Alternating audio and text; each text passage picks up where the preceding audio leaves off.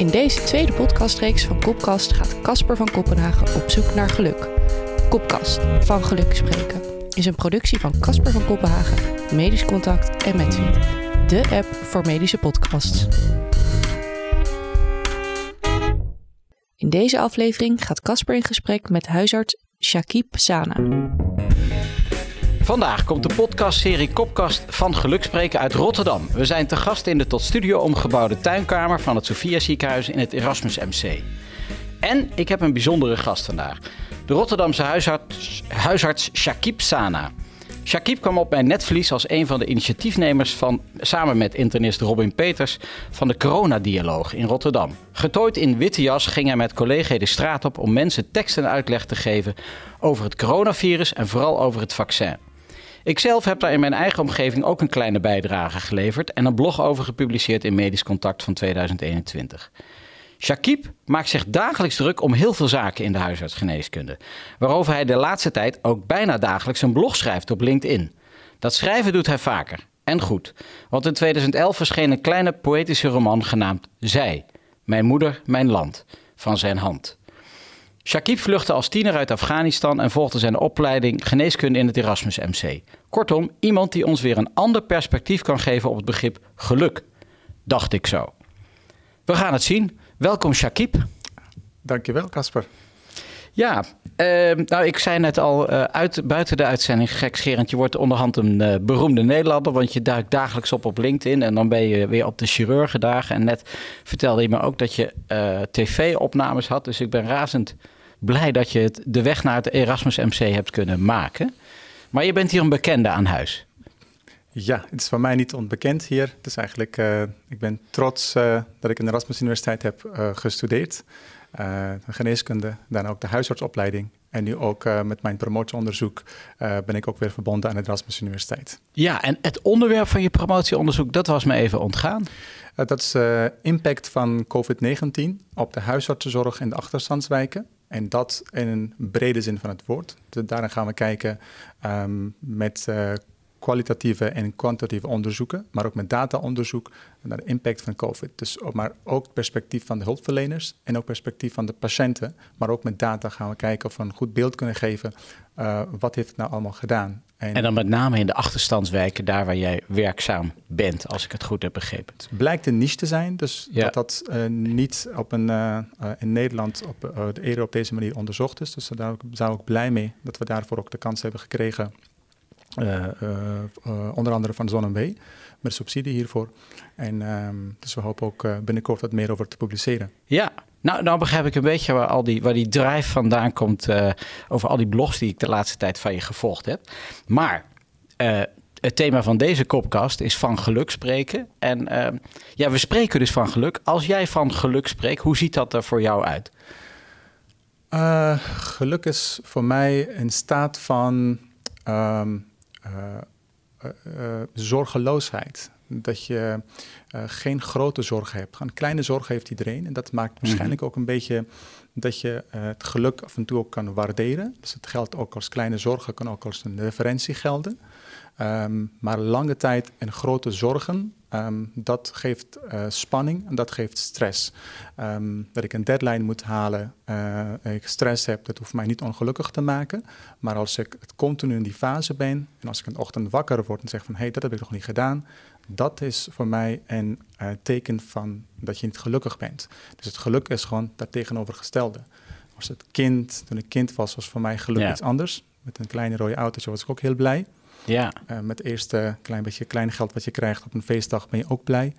Um, maar naarmate je ouder wordt, verandert dat. Dus voor mij is het nu, als ik in de ochtend opsta, dat ik uh, geen zorgen heb dat ik een dat en dat nog niet gedaan heb. Dat is voor mij geluk. Ah ja. En uh, heb jij dan, kun je even jezelf een cijfer geven voor geluk vandaag? Als je nul is echt zwaar waardeloos en tien is dat je juichend over straat gaat. Uh, heb je daar een... Ja, uh, 7,5. 7,5. 8. 8. ja. ja. Tussen, ja. Wat maakt dat het geen 7 is? Um, toch dat stukje uh, dankbaarheid, denk ik. Dat stukje dankbaarheid dat je zelf ook een aandeel hebt in, uh, in een mate van, um, van hoe je eigenlijk de geluk inricht. dat, daar ben ik dankbaar voor. ik ben dankbaar voor de kans die bijvoorbeeld ik nu krijg om ook ehm, aan, een, aan het publiek, eigenlijk mijn collega's, iets te kunnen vertellen met een gewaardeerde collega in... Uh, ja, je bedoelt mij. Ja, ja, ja, ja, ik snap het, ja. Uh, om, dat, uh, om iets te vertellen over het, het wordt al bijna negen. Ja, nee, maar goed. Negen, precies. Het de gelukmeter stijgt alleen maar. Ja. Dus dat is ook...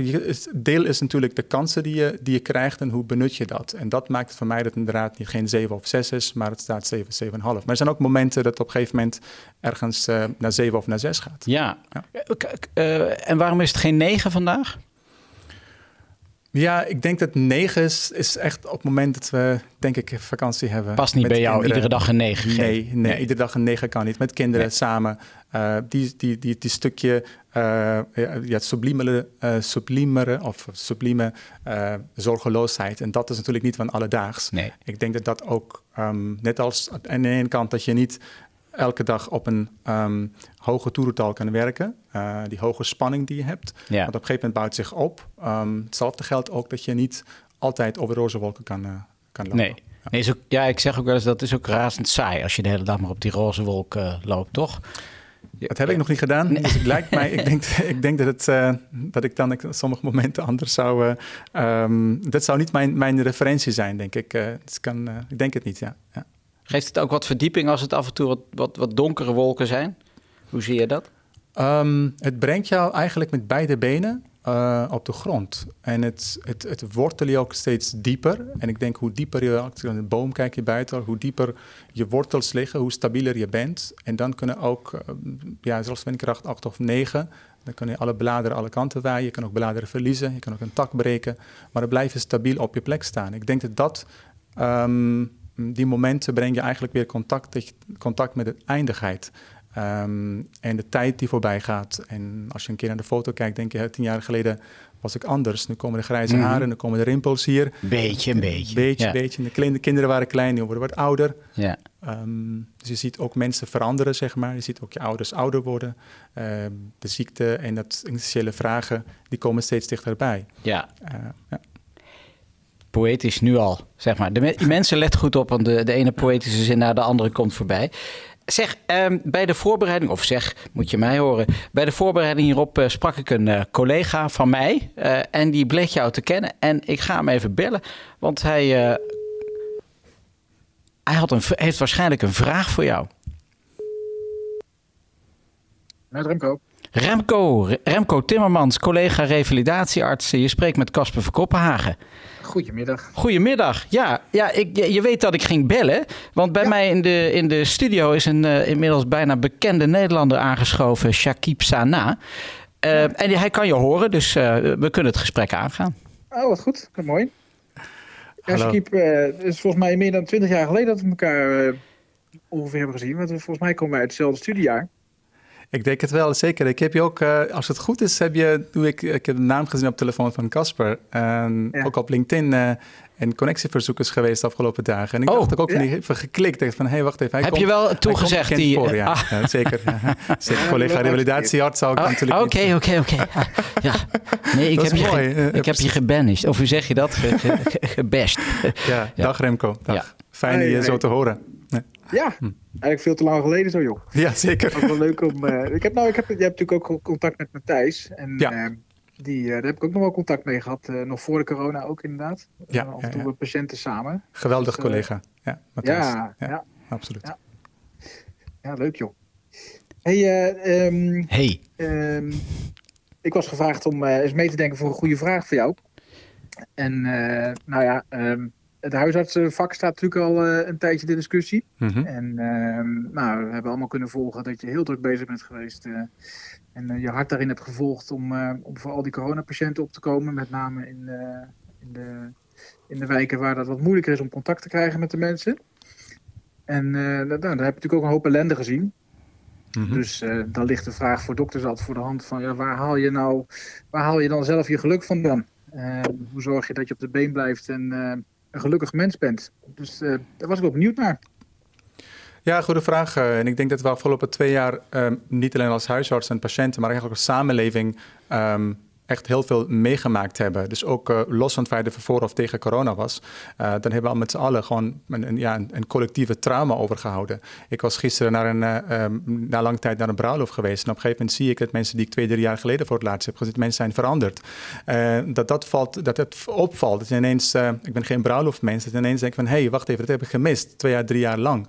En ik denk dat je... Um, het samen zijn. Het, het samen zijn met elkaar. Ongekommerd, onbekommerd samen zijn. Precies, dat inderdaad. Dat hebben we gewoon echt met elkaar gemist. En dat zijn ook momenten wanneer je je geluk en je verdriet met elkaar deelt. Waar de verjaardagfeestjes, waar je je ouders uh, kunt zien of je familie kunt zien. We hebben natuurlijk in Nederland ook met elkaar gewoon wat meer, weinig tijd. Waar de familieverjaardagen zijn ook heel belangrijk. Um, maar daarbij is het ook fijn dat je in ieder geval um, weer, weer terugvalt op je, ook het medische term, steunsysteem. En dat zijn ook en ik ben ook veel meer gaan waarderen wat je steunsysteem eigenlijk is. En dat is, de, dat is je familie, uh, je vrienden, mensen die om je geven. Maar ook de collega's, die bijvoorbeeld als je iets op ergens zet, collega's met, bij wie ik even um, ook om raad kan vragen, bij wie je ook even je hart kan luchten, bij wie even je een tegen tafelpoot kan schoppen en die jou ook waarderen van hoe je bent. En ik denk dat dat, um, als je van die mensen veel om je heen hebt en jij ook voor die mensen weer klaar staat wanneer zij het nodig hebben, dat dat ook een bron van geluk voor je kan zijn. Ja. Dat is in ieder geval bij mij op deze manier, uh, heb ik de afgelopen twee jaar op deze manier doorgebracht. Ja. ja.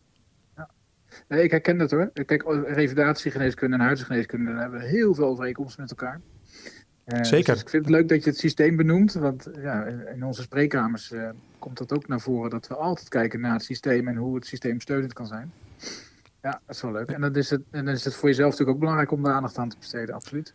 Ja, ik denk gewoon dat je, um, zolang je niet goed voor jezelf kan, uh, kan zorgen, uh, dan kun je ook geen goede zorg op lange termijn voor, ook voor je patiënten leveren. Natuurlijk hoef je niet gewoon elke keer wanneer je met een probleem zit, dat ook de weerslag en de spreekkamer van contact met de patiënt te zijn. Maar op een gegeven moment, als het lange tijd duurt, dan kun je niet altijd een masker opzetten. Dan gaat het wel ergens, ook in de spreekkamer, het contact met de patiënt op een of andere manier kan het kan ik me voorstellen, kan, kan belemmeren. Of je wordt dan, ja, je hebt een kort lontje zoals het heet, of je wordt dan sneller wat chagrijnig. Ik denk dat herkennen bij jezelf en ook dat uiten bij collega's, dat is ook zeker ook belangrijk voor die burn-out preventie bijvoorbeeld, dat dat ook heel belangrijk is. Maar ook dat we bij elkaar dat kunnen herkennen.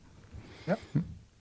Nou, Remco, ja, je bent een directe collega van mij. Dus we weten met deze tip wat we moeten doen. Hè? Iedere dag even een, uh, een bakje drinken, lijkt mij. Om uh, even bij elkaar binnenlopen als het uh, tegen zit. Ik, ik ga wel uh, jullie dialoog uh, onderbreken, want jullie zijn gelinkt op LinkedIn. Dus dan kan de dialoog daar worden voortgezet. Ja. En Remco, dank voor je tijd. ja.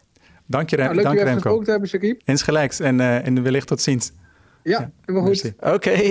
Oké. Okay. Hoi. Hoi. Zo. Um, Wat je zei net over koffie drinken, wat ik ja. mooi in Nederland vind. Dat we dat doen? Of? Ja. Even, een bakje, even koffie drinken. En ik denk dat dat, of thee drinken kan ook natuurlijk, maar even met elkaar koffie drinken, dat je daarmee ook heel veel um, zaken met elkaar bespreekbaar maakt. En dat is een hele Eigenlijk mag dat wat mij betreft een immateriële erfgoed worden meegenomen. Ja. Even elkaar een bakje drinken. Ja. Even, even wat stoom af. Uh... Even het stoom afblazen, ja. ja. En dat is wel een hele, een hele belangrijk wat ik, als, wat ik hier geleerd heb en wat ik ook graag doe. Ja, waarmee mensen zich kunnen openen. Hè? Ik vind het een mooi bruggetje, uh, al zeg ik het zelf, naar mijn blog wat ik geschreven heb. Een korte blog, uh, die je maar even moet aanhoren, om het zo te zeggen. Maar dat hadden we afgesproken. En dat gaat over mijn ervaring met een, met een jonge collega die ehm, ook uit Afghanistan eh, gevlucht was. Het is maart 1996, een vrijdagavond in de winter. Ik loop samen met mijn medeco Hamid het Wilhelmina Kinderziekenhuis uit het markante ABC-straatje in het hartje Utrecht uit, de gure kou in. Ik ken Hamid pas sinds dit kooschap. Hij is uit een jaar onder mij, maar een stuk ouder. Bescheiden en wat teruggetrokken, wellicht door zijn nog haperende Nederlands, denk ik. Maar qua medische kennis een wandelende encyclopedie. Ik heb er veel steun aan. En een man met een verhaal ook. Dat voel ik aan alles. Maar verder dan waar kom je oorspronkelijk vandaan is ons gesprek niet gekomen nog door de drukte op de afdeling. Het zijn zware weken voor mij in het kinderziekenhuis. Het leed van ernstig zieke kinderen drukt op me, merk ik. En de sfeer daarnaast zeker. We klagen wat over de drukte, over die ene kinderarts en die andere assistent en ook over de sfeer op de afdeling, waar we allebei last van blijken te hebben. Geen plek voor mij dit. Veel te weinig sociale cohesie. Ieder voor zich in dit instituut, verzucht Hamid. Ik probeer wat te verlichten. Ga je nog wat leuks doen dit weekend, Hamid? Behalve de Stollingskascade nogmaals bestuderen, grap ik. Ja, eigenlijk wel. Ik zie mijn ouders weer. Dat is lang geleden. Oh, fijn, ik ook. Ik ga denk ik zondag even langs. Ik heb ze toch al gauw een paar weken niet gesproken. Jij? Uh, Zo'n elf jaar. Ik sta stil. En de wereld met mij. Of andersom. Elf jaar? Ja, ze zijn gisteren in Duitsland aangekomen, waar mijn broer ook woont. Die zie ik ook weer, net als mijn zus die overkomt uit Londen, waar zij woont. Ik verleid Hamid de eerste de beste de kroeg ging om dit verhaal met een biertje te vertellen. Er volgt een episch verslag over samen met broer en zus vluchten voor het regime, ouders en familie achterlaten, hobbelige ritten met veel te veel mensen in afgedankte vrachtwagens, stormachtige boottochten over Kaspische Zee, dagenlang lopen over de bergen naar Turkije, gevangen genomen worden in een Turkse gevangenis die vast nog verschrikkelijker is dan wat ik me daarbij kan voorstellen. Daar kan ik niets over zeggen, Casper. Uiteindelijk doorgeplaatst worden naar Duitsland en via een aantal tussenstations in Utrecht belandend. Waar hij een onwaarschijnlijk rap tempo Nederlands leert, zijn middelbare schooldiploma haalt en geneeskunde gaat studeren. En zodoende heb ik mijn ouders dus elf jaar niet gezien. Maar mijn broers, zus en ik, we zijn goed terechtgekomen. Daarvoor zijn we hen eeuwig dankbaar. En ik heb mijn ouders vaak kunnen bellen. Het voelt dichtbij. Diep onder de indruk spring ik iets later op mijn fietsje. Een bevoorrecht mens voelde ik me altijd al. Een zondagskind eigenlijk bij tijd en wijlen. Maar een en ander wordt in een verhaal van de vluchteling in een paar biertjes weer eens benadrukt. Een onbezorgd bestaan, dat is wat ik heb. Als ik thuis ben, bel ik direct mijn ouders. Ik kom zondag langs. In de afgelopen dagen ter voorbereiding op mijn gesprek met Shakib kwam deze voor mij zeer indrukwekkende en richtinggevende ontmoeting al snel voorbij. En eigenlijk ook in de afgelopen decennia, als ik gevluchte patiënten in de spreekkamer of op de afdeling trof. Het verhaal van Hamid was hun verhaal, doordrenkt met trauma's waar wij geen weet van kunnen en naar ik hoop ooit zullen hebben hier in Nederland. Patiënten uit Syrië bijvoorbeeld op mijn afdeling in het revalidatiecentrum die nachtenlang krijzend en prevend in bed geteisterd werden door nachtmerries. Wat hebben zij in hemelsnaam moeten doorstaan? We zijn onmachtig om te helpen, elkaar staal letterlijk en figuurlijk niet sprekend, terwijl ze intussen ook nog moeten dealen met een traumatische amputatie of dwarslesie. Alsof dat alleen al niet erg genoeg is. Wat minder ver van ons bed op dit moment Oekraïne, waar dergelijke menselijke catastrofes as we speak dagelijks geboren worden, realiseer ik me. En de geschiedenis leert ons dat het nog generaties lang sporen achter gaat laten. Laten we ons daarop inrichten, als dat überhaupt kan natuurlijk. Met Habit is het goed gekomen, dat weet ik.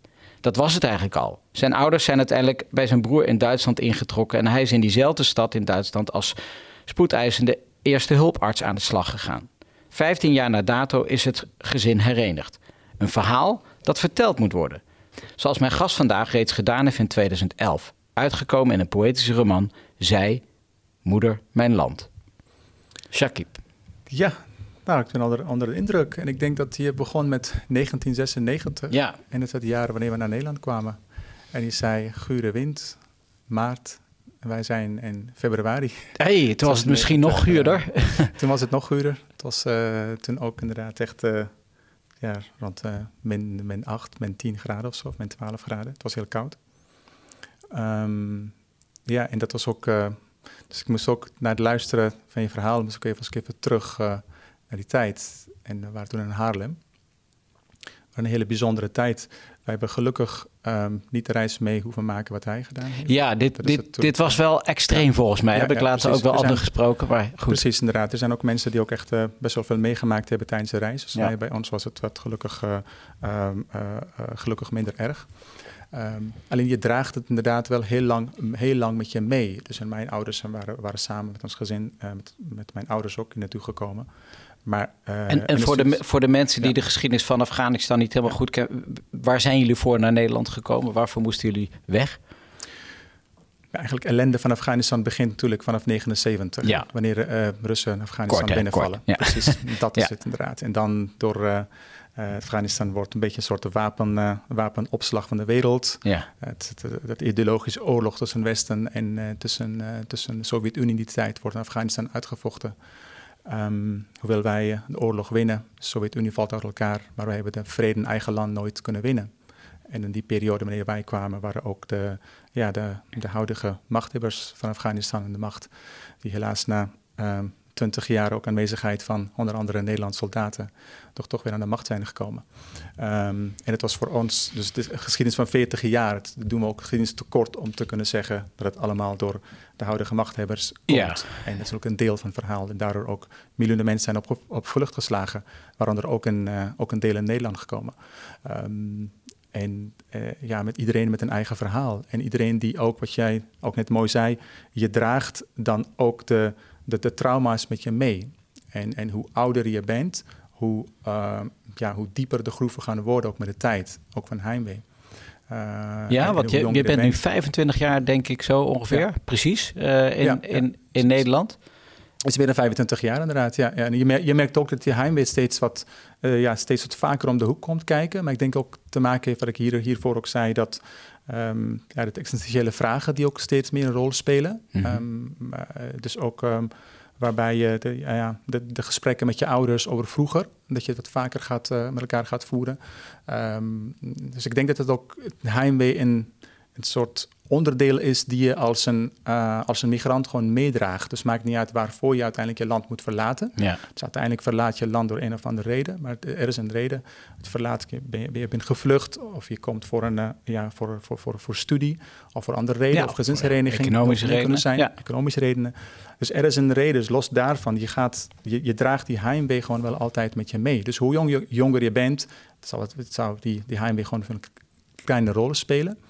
Uh, maar naarmate je ouder wordt, en je weet ook dat de kans dat je teruggaat wordt steeds kleiner. Want ja. je bent ook um, weer geaard in je, um, in, je, in je nieuw land. Je bent een, uh, een Rotterdammer. Je bent, Toch? ik ben een, uh, Of, ja, ik ja. Ben een, ja, ik ben een Rotterdammer. Voel je je ook zo? Ja, je, je twijfelt even? Nee, ik, ik, twijfel niet. Maar ik ben, ik denk, ik, ik denk.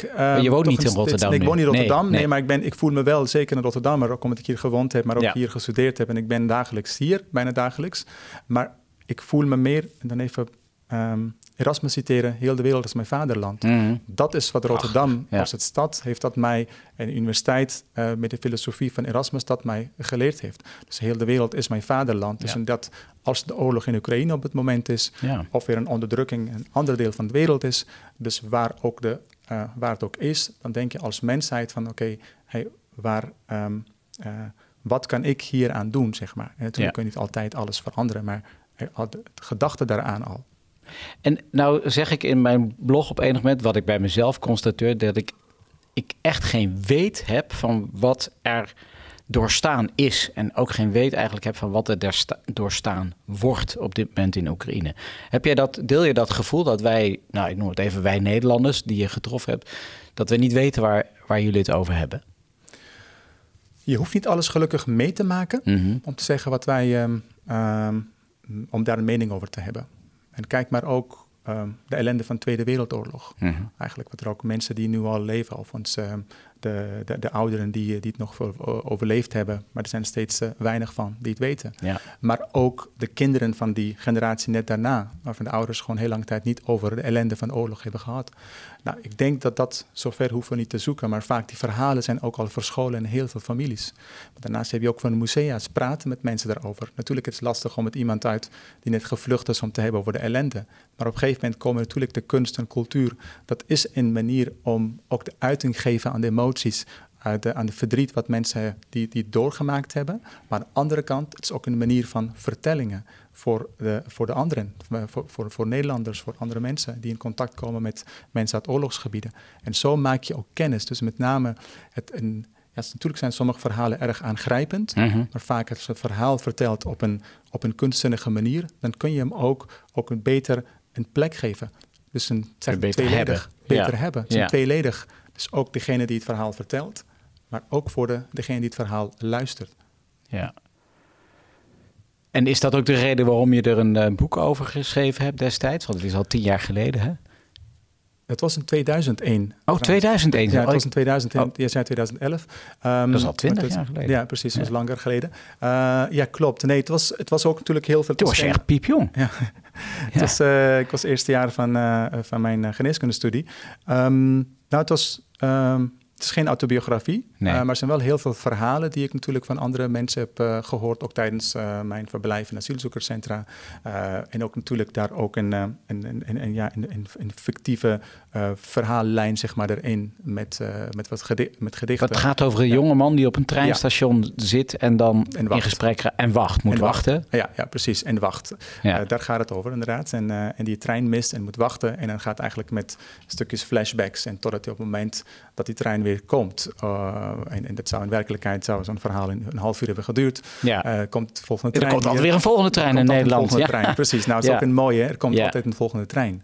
En dat, dat, ja, dat was het. En er zijn natuurlijk ook, als ik het soms even teruglees. Ja, doe je dat? Ja. ehm, ja, ik heb. ehm ehm, naar aanleiding van een interview had, eh, had een journalist uh, toevallig het boek weer ergens gevonden. En die gaf mij dus ook weer dat boek Ah, aan ja. mij weer terug. En het, het is moeilijk om, te, om, dat, eh, om erachter eraan te komen. Dus ik was heel dankbaar dat hij boek aan mij gaf. Dus we kunnen niet morgen bij de, bij de slechte moeten we dan? Of waar moeten we waarschijnlijk heen? is het niet, Oh. niet makkelijk verkrijgbaar. Nou maar ja. ik heb, als je dan dingen ook weer terugleest... En, en, en, en er zijn wel sommige aspecten die je ook denkt van... hé, hey, ehm, eh, ja, die gelden ook voor mij nog steeds. Een soort naslagwerk voor mijzelf ook. Van hoe, eh, ja... Was het een andere Shakib? Of, eh, Ja, de andere Shakib was het niet, maar wel andere... mm, ja, wat jeugdige en wat, wat prille kijk, het prille kijk op het leven. ja. Dat was het. En ook met eigen ja, emoties en eigen ambities. En natuurlijk twintig jaar later heb je, hebben wel andere, eh, andere ambities. Je hebt een andere positie eh, in de maatschappij. Ja. Eh, je hebt andere verantwoordelijkheden in de maatschappij. Maar je hebt ook, toen wil je iets bereiken, maar eigenlijk was je ook afhankelijk van anderen. Dat ben je altijd natuurlijk wel afhankelijk van anderen, qua wat geluk, wat kansen ook betreft. Mhm. Ehm, maar nu ben je ergens zelf op een plek waar je, denk ik, anderen ehm, weer van jou tussen aanhalingstekens afhankelijk kunnen zijn. Dat heb ik over begeleiding van co-assistentes, Ja.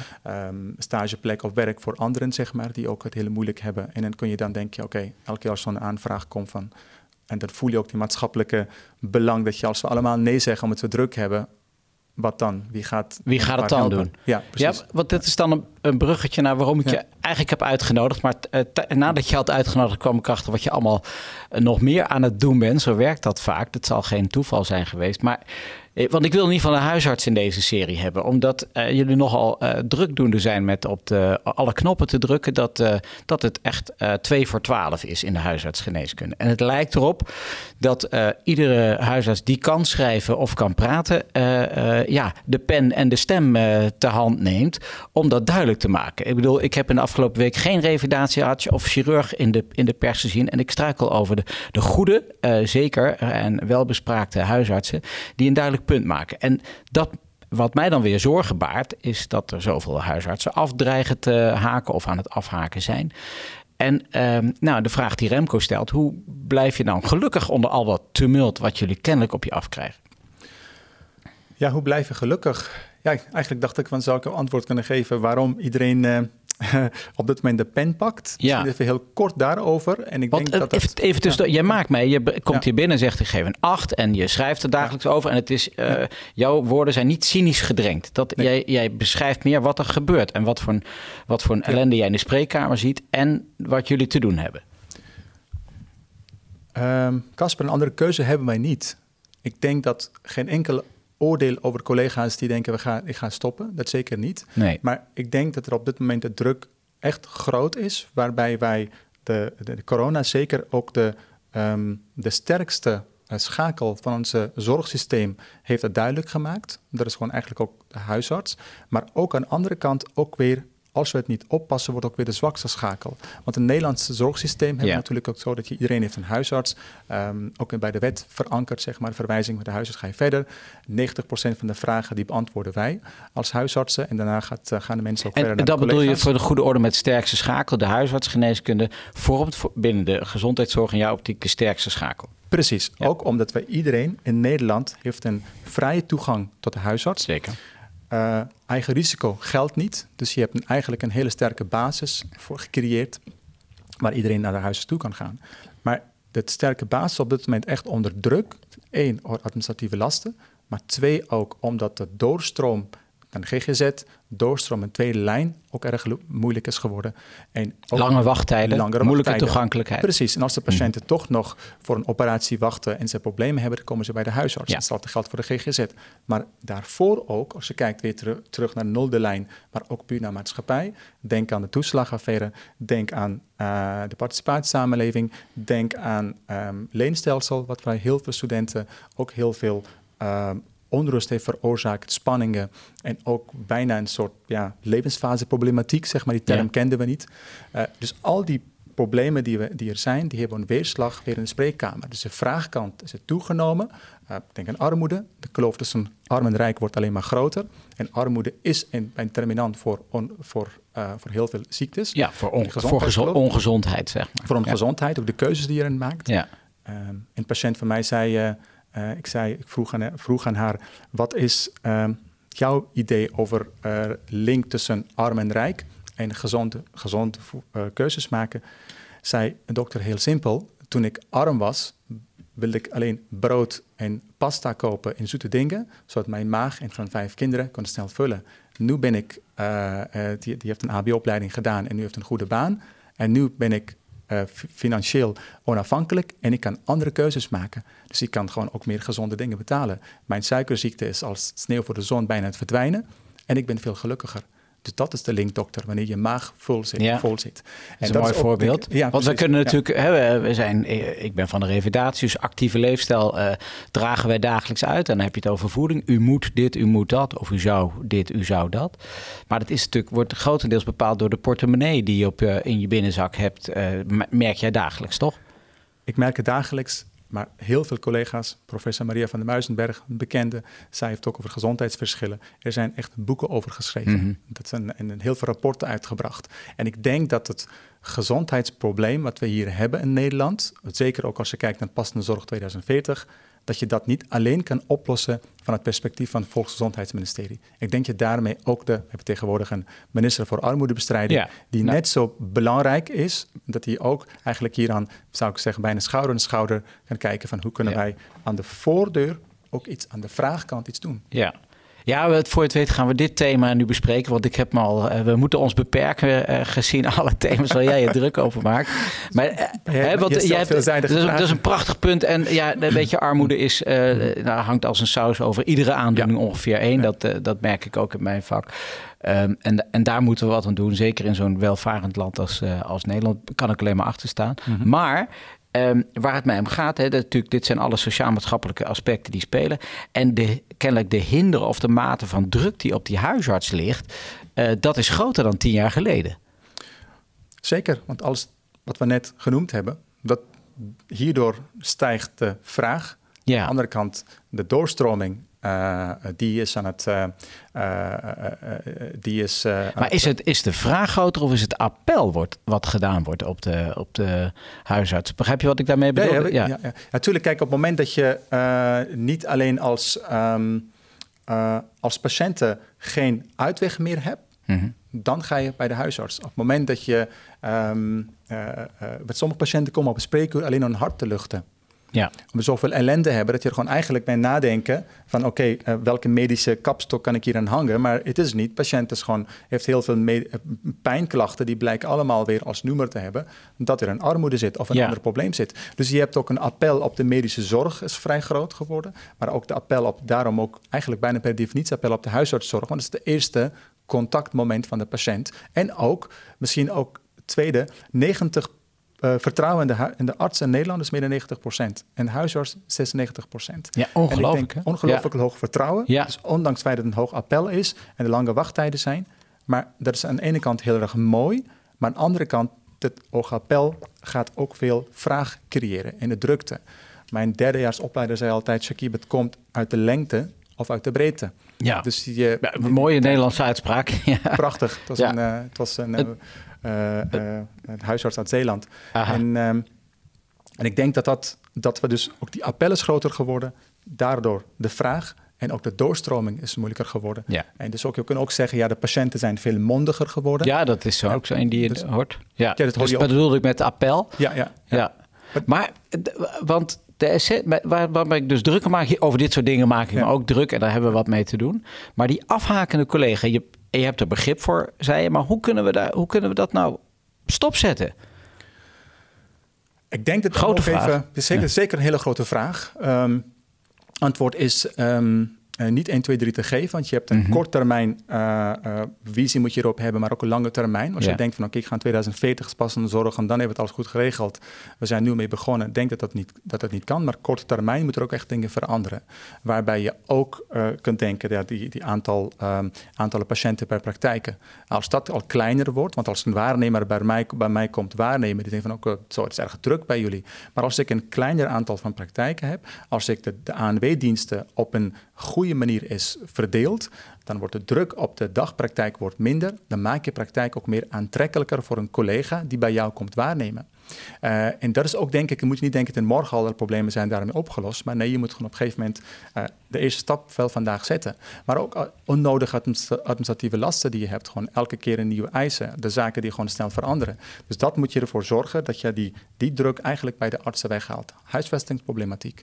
Um, in, in, de grote, in de grote steden die je hebt. Mm -hmm. Maar ook wel collega's die hun praktijk niet kunnen overdragen. Um, het is hetzelfde eigenlijk als iedereen is vo volledig doordrongen van het uh, feit dat roken slecht is. Ja. Maar uiteindelijk, wat doe je eraan? Ja, dan die, komen allemaal plannen en rapporten. En dan gaan we toch naar de huisarts vragen, hoe kan ik stoppen met ja, roken? exact hetzelfde. We weten ook allemaal mm -hmm. waar de problemen zitten. Maar ook de eerste stap die je zet om te zeggen van... oké, okay, dit gaan wij um, uh, met de sector zelf... kijken wij hoe wij als eerste de sector kan ontdoen van onnodige administratie. Ja. Wat 30 tot 40 procent van de tijd gaat aan onnodige administratie. Ja. Nee, dat, dat herken ik ook wel vanuit, vanuit dit bastion waar ik nu werk, zeg maar. Hè, de Ivoren Toren van het Erasmus MC. Uh, ook daar klagen we over die administratie. Maar toch is er iets. Ik, je zit, ik zit hier zeker niet tegenover een uitgebluste collega. Die, uh, je maakt je heel erg druk. Je vindt zelfs tijd om daarover te bloggen iedere dag. Hoe, hoe hou je dat motor, motortje gaande? Ik ben nog niet helemaal tevreden met de antwoorden die je geeft. Waarom? Want jij bent een gelukkig mens hier, zoals je tegenover me zit. Um, omdat ik... Is het nog een evenwicht, zeg maar? De... Ja, het is zeker een evenwicht. Uh, maar ik denk dat we... Um, uh, je, kan, je kan glas half vol zien of half leeg zien. Maar ik zie wat dat betreft zeker glas half vol.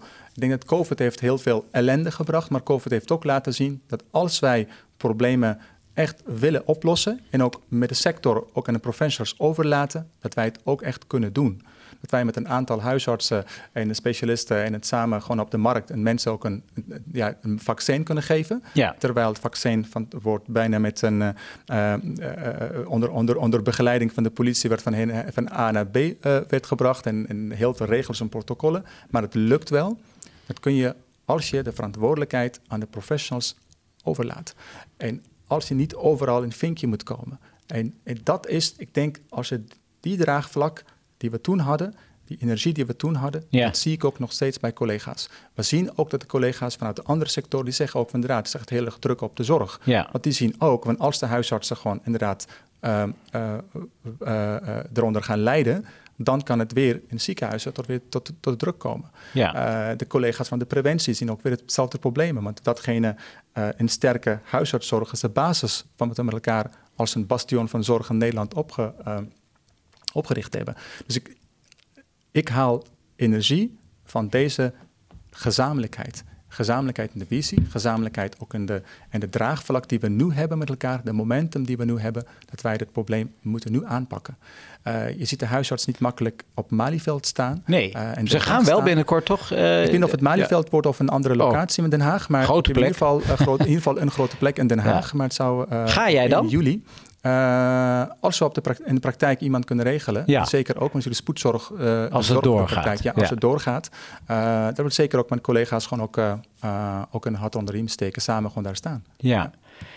En um, nou belt morgen Ernst Kuipers je op, hè? Ken je hem of niet persoonlijk? Want je bent hier uit Rotterdam. Heb je wel eens gesproken? Ja, ik heb mijn, uh, mijn kooschappen hier uh, gedaan. Toen, ja. die, uh, toen hij nog ah, een af, afdeling... Dus hij zegt, Shakib, ja, ik heb jou toen nog gehaald als co-assistent. en je, ik lees iedere dag je blogs op LinkedIn. hier heb jij de sleutel voor de huisartsengeneeskunde. ga het regelen. He, dat zou het liefst geven aan de professional. Dat is één.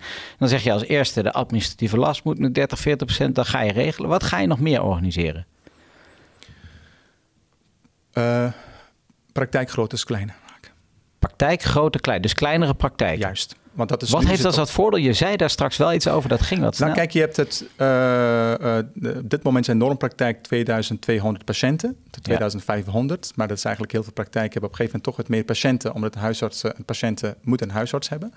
Uh, en het idealiter zou het tussen 1800 en 1850 zijn. Want dan heb je gewoon ook veel uh, meer tijd voor de patiënt. En dan heb je ook uh, de, de, zorgvragen kun jij aan, maar ook je praktijkteam. Hè? Want je bent ja. niet als huisarts alle telefoons zelf aan het aannemen. Maar, ook de, maar hoe groter, hoe beter toch? Dan kunnen we meer patiënten aan de, de administratieve uh, druk kunnen we ver, verlichten. De, de kosten zijn lager, toch?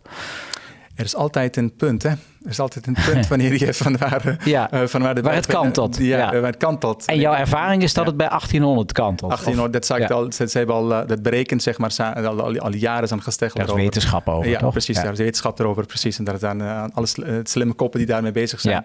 En je hebt, ik zeg altijd, elke berg heeft op een gegeven moment een, een punt naar beneden. Dus je kan ook niet gewoon blijven stijgen nee. qua, um, qua aantal patiënten. En dan, en dan komt er weer dus uit de lengte of uit de breedte. Ja. Dan komt die uitdrukking weer naar voren. Ik denk dat dat ook een hele belangrijke uh, en, cruciale punt is. En collega's zeggen ook van ja, maar als praktijken kleiner worden, maar er zijn toch ook weinig artsen die willen werken. Nee, er, zijn, er zijn artsen die praktijk willen overnemen, maar ze willen geen um, eigenlijk niet goed gereguleerde, georganiseerde praktijk overnemen die overvol zitten. En het is ook echt een, zeg ja, maar hoe meer praktijk, hoe meer patiënten, hoe meer inkomen. Maar het is op, uiteindelijk is geluk dat en zorgeloosheid. En ja, dat is eigenlijk belangrijk. En die zorgeloosheid, dat is wat ik nadrukkelijk hoor, die is er op dit moment niet bij de huisartsgeneeskunde. Maar het is natuurlijk een ongelooflijk zingevend beroep. Als een van de belangrijkste pijlers van geluk zingeving is. Wat ik denk dat het is en dat laat de wetenschap ook zien. Voel je dat nog steeds zo, als dat het echt zingevend is? Als je mij zou vragen op een dag en wanneer je, uh, waar haal je energie vandaan? Mm -hmm. Uit de blokken wanneer ik echt spreekuren met patiënten heb. Ja. Okay. Dan. Ja. Dat is mijn energie op de dag. Wanneer patiënten komen, hoe moeilijk of hoe makkelijk de casuïstiek ook is, dat ik even tijd heb om met de patiënt iets meer te vragen, maar die ook je gaan prikkelen. Dat ik ook echt tegen de patiënt zeg van dit is, een, dit is nou een mooie, niet alledaagse vraag. En daar moeten we even over nadenken. Ja. Mooi als de dokter laat nadenken. Dus meer denken dan wat je normaal doet. Ja, en, goeie, uh, precies. En dat is ook waarbij je niet alleen uh, fysiek patiënten zien, maar ook met videobellen. Tegenwoordig. En ineens kon het wel sinds COVID. Ja, man. Dat geeft me ook hoop. Uit het niets. Hè? Precies, uit het niets kon het wel. Natuurlijk ook goed kijken van voor wie je het toepast. Maar ook telefonische contacten of mailcontacten. Maar patiëntencontacten, dat is eigenlijk het vak, het ambacht. Dus mm -hmm. ook geneeskunstdrijven. Maar ook wanneer ik, ik werk ook in hospice. Uh, ook de palliatieve patiënten die je gewoon begeleidt. Dat is, dat is zingeving voor je vak. Dat je echt, echt iets voor mensen kan betekenen. Maar daarnaast natuurlijk ook wel zingeving iets als ik op dit moment de, de, de, ja, de pen heb of de mogelijkheid heb om, om ook iets aan de drukte in de huisartsenzorg of Ja. in zorg algemeen doen, of over de armoede of over de andere problemen met collega's samen. Dat vind ik ook in de zingeving. Dan wil ik het ook doen. Ja, maar ik hoop dat we dan in de toekomst zoveel mogelijk tijd kwijt zijn aan de patiënten. Want dat zijn toch het allerleukste contacten. Dan aan het je hoopt eigenlijk dat de huisarts over een tijdje klaagt. Jongen, jongen, ik zou wat meer aan administratie willen hebben. Want ik zie nu alleen maar patiënten. Of, ja, we chargeren. Nou, een beetje omdenken zou ook niet, niet verkeerd zijn. Nou, het mooie zou zijn Ja. als je het meer tijd hebt aan de, eh, ook, ook in het kader van, van preventie. Want Ja. preventie is natuurlijk op dit moment eh, ja, het woord. Ja, en ook Ehm, de sleutel voor eh, succes voor in de toekomst. Voor Precies. de gezondheidszorg. Voor gezondheidszorg. Maar ja, preventie is voorkomen van. Het is niet, je verdient Nee. er geen bal mee. En, en wat ik dan lees in jullie verslagen, komt ook vaak op jullie bordje weer terecht. Precies, en je hebt ook weer gezondheidskloof natuurlijk. Ja. Preventie, gezondheidskloof. Ja, dat is een van je Eh, stokpaardjes. Precies, stokpaardjes is een hele belangrijke. Want eh, eh, als je het over die kloof hebt, zolang je dat niet heel erg goed hebt gedicht, zolang je de de determinanten daarvan niet goed gaat aanpakken, kun je preventie niet bereiken. En ik denk, je, eh, als we bepaalde programma's hebben, die programma's worden gewoon eigenlijk voor mensen, door, door mensen in de, vanuit de, in de eh, eh, hoge sociaal-economische klasse worden gevolgd. Maar mensen die het echt nodig hebben, door die mensen of worden niet begrepen, of ze kunnen niet bereiken, of zij op een andere manier grip op hun gezondheid nodig hebben, dan kom je er niet. Denk aan uh, GLI, gecombineerde mm leefstijlinterventie. Ja. Ehm, ja, het wordt al lastig om uit te leggen aan iemand om wat het precies betekent. Ja, is een lastige term. Ja. Lastige term, ik sta erachter. Maar eigenlijk in de praktijk zie je ook de groepen die daar gebruik van maken. Dat eigenlijk wellicht die groepen toch uh, um, op een andere manier ook zelfvoorzienend kunnen zijn. Ja. Mensen die het echt nodig hebben. Dat is al een selectie eigenlijk. selectie. Ja. Ik wil ja, graag dat mensen die het zelf kunnen doen, die mensen coachen. En de tijd die ik overhoud, die kan ik gebruiken voor mensen voor wie het lastig is om het zelf te doen. En dus um, mensen zo lang mogelijk laten uh, uh, genieten van hun gezondheid. Want dat is ook een van de, al, al, al, al eeuwen geleden heeft Hippocrates ook gezegd. Dus ik wil zieken beter maken, maar ook gezondheid bevorderen. Ja. En we zijn op een gegeven moment behoorlijk doorgeslagen in het verbeteren van de uh, genezen van zieken.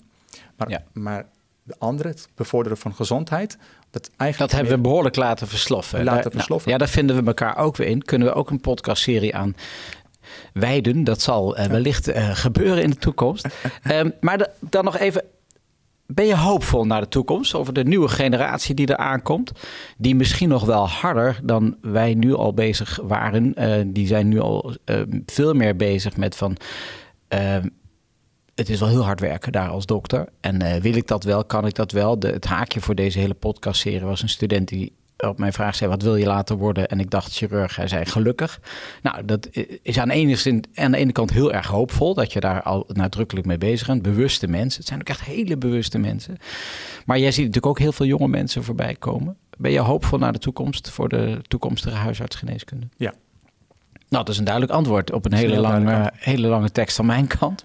Nee, het is een heel duidelijk antwoord. De antwoord kan dus ook alleen, maar, denk ik, hierover alleen maar ja zijn. Want ik denk dat, die, eh, dat heel veel eh medische studenten met wie ook hier eh, tijdens de COVID ook samen hebben gewerkt, ook op de markt hebben gestaan, ook de co-studenten die we begeleiden.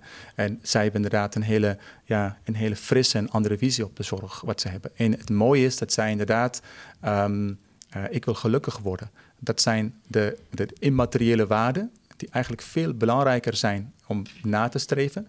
Eén. En tweede, dat is eigenlijk toch ook een beetje de, de, waardig, de, de, de, de waardegedreven zorg. Dat is Ja. ook een term die, Ja. eh, die je op een gegeven moment hoorde tegen. Maar die inhoud krijgt. Ja. Die inhoud krijgt. Want wat, wat, waar, waar wij het nu over hebben van oké, ehm, eh, eh, gewoon hard werken, ga verder. Maar nee, gewoon hard werken, maar ook aan jezelf denken. Ben ik gelukkig? Op het moment dat je jij dat bent, en dat kun je ook die waarde herkennend en die waarde ook weer doorgeven in je gesprekken met patiënten. En de manier hoe je naar de ziektes kijkt. En de manier hoe je iemand gaat coachen. En op het moment dat je zelf gelo- gelooft in eigen geluk, dat jij gelukkig Ja. bent, dat jij gezond bent, dat kun je ook dat overdragen aan andere mensen motiveren. Heb je wel eens ongelukkig in de spreekkamer gezeten? Dat je merkte aan de dag van jepig, eh dat, eh, dat ging niet goed vandaag. En bedoel je Omdat het je, nee, omdat je intrinsiek niet goed in je vel zat. Wat dat voor een effect heeft in de spreekkamer. Jawel, er zijn er wel dagen wanneer dat is. eh, zeker. Ehm, maar gelukkig heel weinig. Ehm, maar het is wel even fijn is om even dan... ehm, wat ik doe, even, even toch naar buiten gaan eh, van mijn kamer... bij de assistenten of bij mijn collega die, eh, die tegenover mij in een andere kamer zit. Even over hebben. En ik denk als je dat herkent... Dat werkt voor jou even over hebben. Hè? Die koffie wat je daar straks Juist, ook even Ja. over hebben. Ja, even. even- over hebben. Ja. En dan zie je ineens de collega's natuurlijk ook bezig en dan, en dan laat hij de pen of wat dan ook achter en dan achterover even luisteren naar elkaar. Ja. En dan, dat is denk ik, de dokter heeft even zorg nodig voor elkaar. En dan hetzelfde weer voor een andere collega. Jongen, jongen, wat ik nu heb meegemaakt. Die jonge jongen, ja. En we, moeten niet doorslaan in het jonge jongen, maar we moeten wel jonge jongen tegen elkaar blijven zeggen. En het, het gekke is eigenlijk, ik, toen ik jou uitnodigde, dacht ik, nou die gaat ons dus even uitleggen, wij Nederlanders, van hoe goed wij het eigenlijk wel niet hebben en dat we niet zo moeten klagen. Maar dat heb ik jou in het voorgesprek en nu ook helemaal niet horen zeggen. Nee, nee, ik denk dat... Vind je ons niet een beetje zeur van, je- jemig, eh, het is hier het meest vredige land op aarde, beste zorg ter wereld, er gebeurt echt helemaal niks, waar maak je je druk om met dat gezeur? Ga eens, ga eens werken. Ga eens werken. nee, nee, ik denk, nee, dat komt. ehm, kijk, af en toe, soms komt het natuurlijk wel in je op, zeg maar. Maar dan zie je, merk je ook dat je. ehm, en, en dat komt wanneer we. ehm, wanneer ik een. eh, eh, na het weekend een bushokje zie. die helemaal kapot is. eh, maar vooruit helemaal kapot zijn. Ja, ja, vandalisme. Vandalisme. En dat is wat ik zie van, van jongens. Wat een prachtig dit hier. Mooi bushokje die hier zit. wat, ja, het stukje van dankbaarheid. Er zijn landen waar niet eens een bus rijdt. Nee. Je hebt dan een hele mooi bushokje met tijd erop. En die timmer je in elkaar. Ja. En dat is met een vuilnisbak erbij en een informatie en, een, en een, zelfs een QR-code als je geluk hebt. Nou, ja. Maar dat, dat, heb je niet bij, eh, bij, het, eh, bij het geklaag van collega's. Nee, zeker Van- niet. Nee, Nee, nee kom op, niet. Nee. zetten de schouders eronder. Nee, want mijn collega's zetten gewoon dagelijks schouders eronder. Aha. Dat is het. Dat doen ze elke dag wanneer ze komen. Dat is, dat is ook iets wat Dus ze zijn niet lui en onwillig, die jonge generatie. Die... Nee, nee, er zijn er niet. Ze kijken misschien anders naar de wereld. Mhm. Ze kijken, en uiteindelijk is, laten we eerlijk zijn, het is hun wereld. Het is de wereld van onze kinderen. Het is de wereld van mijn, van mijn kinderen. En dat is, zij gaan daaraan vormgeven. En, en hoe zij naar aan het kijken zijn, dat is eigenlijk hoe zij het wereld een eigen manier in vorm aan het geven zijn. En natuurlijk kunnen we ook kijken van, oké, sommigen ze hoeven niet de wiel opnieuw uit te vinden, kunnen ook met ze kijken. Maar eh, dus het is niet altijd geklaag, het is ook ehm, signaleren. Eh, de ene doet het op een, op een hele eh, poëtische manier, de andere doet het op een hele, ja, of gaat, gaat bloggen daarover. maar de andere die, Ja. gaat, die, gaat, eh, die gaat schreeuwen, die gaat toch even een vuist op tafel slaan. Dus iedereen Ja. heeft een eigen manier om iets te signaleren, om te laten zien. En als ze maar luisteren naar elkaar, dan kunnen we van elkaar leren en komt het toch goed. Dan pas kun je de handschoenen pakken om ook iets aan te doen. En niet, niet 17 miljoen Nederlanders kunnen allemaal aan één probleem werken. Nee. Maar daar zijn er andere mensen voor die dat kunnen doen. Hebben we wel een tijdje gedaan, hè, met z'n allen aan dat COVID werken. Nou ja, dat leidt ook niet altijd tot perfectie. Shakib, we zijn al een hele tijd aan het, eh, aan het woord met elkaar. Fantastisch, we kunnen nog uren doorpraten. Maar ik wil, wou tot slot wat aan je vragen. Stel, je mag morgen een volle collegezaal geneeskundestudenten, eerstejaarsstudenten, nog fris van de lever toespreken. Je hebt ze net het prachtige vak huisartsgeneeskunde uitgelegd, wat, er allemaal, eh, hè, wat dat allemaal van mag. En je mag ze iets meegeven voor hun studie, voor hun leven. Wat zou dat zijn? Inspi- eh, ik ben geïnspireerd Je mag er heel even over nadenken. Nee, ik ben geïnspireerd door die. ehm, grappig, ik was op die vraag. eh, was ik over nadenken. Die vraag zou, die, die vraag zou komen. En dan- ik denk dat ik, die student, wat je net zei. Ja, Ik wil gelukkig zijn. Dat. En ik denk als je zoekt naar eigen geluk. Want als je zo ver bent gekomen. En dat jij hier staat met 200, 300 mensen, man en vrouw, eh, om een college te volgen. Dus je hebt je VWO-diploma gehaald. betekent dat je die capaciteiten hebt. En iedereen van jullie alles kan, kan in principe kan worden. En het zoek je eigen geluk. En daarnaast ook mijn allerbelangrijkste vraag aan de, aan de maatschappij is of aan mensen die dan ook weer de, de, de plekken toewijzen of de kansen geven. Want je kan kansen grijpen of je kans, als je de kansen krijgt. Om daarin ook echt heel goed te kijken of er ook niet een ongelijkheid is in de verdeling van die kansen. Want op het moment dat iemand eh zo ver is gekomen dat hij eh, dokter kan worden, in de collegezaal zit, dan heeft hij wel de capaciteiten om ook, ook weer verder te gaan. Dus ik denk dat, dat als we dan, eh, daar en daarmee ook met z'n, met z'n allen voor zorgen, eh, dat we heel ver komen. ik vind het eh, prachtende, zalvende en helende woorden aan het einde van dit gesprek. Mag ik je bedanken voor dit openhartige gesprek? En wil je nog ergens op terugkomen? Heb je iets gezegd waar je spijt van hebt? Of heb je het idee dat je iets niet hebt gezegd wat je graag wilde vertellen? Nee, nee. Dus ik, nee, het vond ik een hele mooie, ik vond het een heel mooi gesprek. Ehm het was ook eh, af en toe niet eens het idee dat je het wordt opgenomen. Dus dat ja, is, denk dat ik is de bedoeling ook. Dat is ook de bedoeling, Ja. precies. Nee hoor, eh, er waren geen zaken waarvan ik dacht van... hé, hey, dat, is, eh, dat had ik eh, anders eh, kunnen zeggen. Nee. Oké, nou dan wie weet tot ooit en ergens. Maar ik denk al eh, ergens gauw tot snel. Dankjewel, Casper. U luisterde naar Van Geluk Spreken, een podcast van Casper van Kopenhagen in samenwerking met Medisch Contact en Medfeed, de app voor medische podcasts. Niets missen van Kopkast? Abonneer je gratis op de podcast.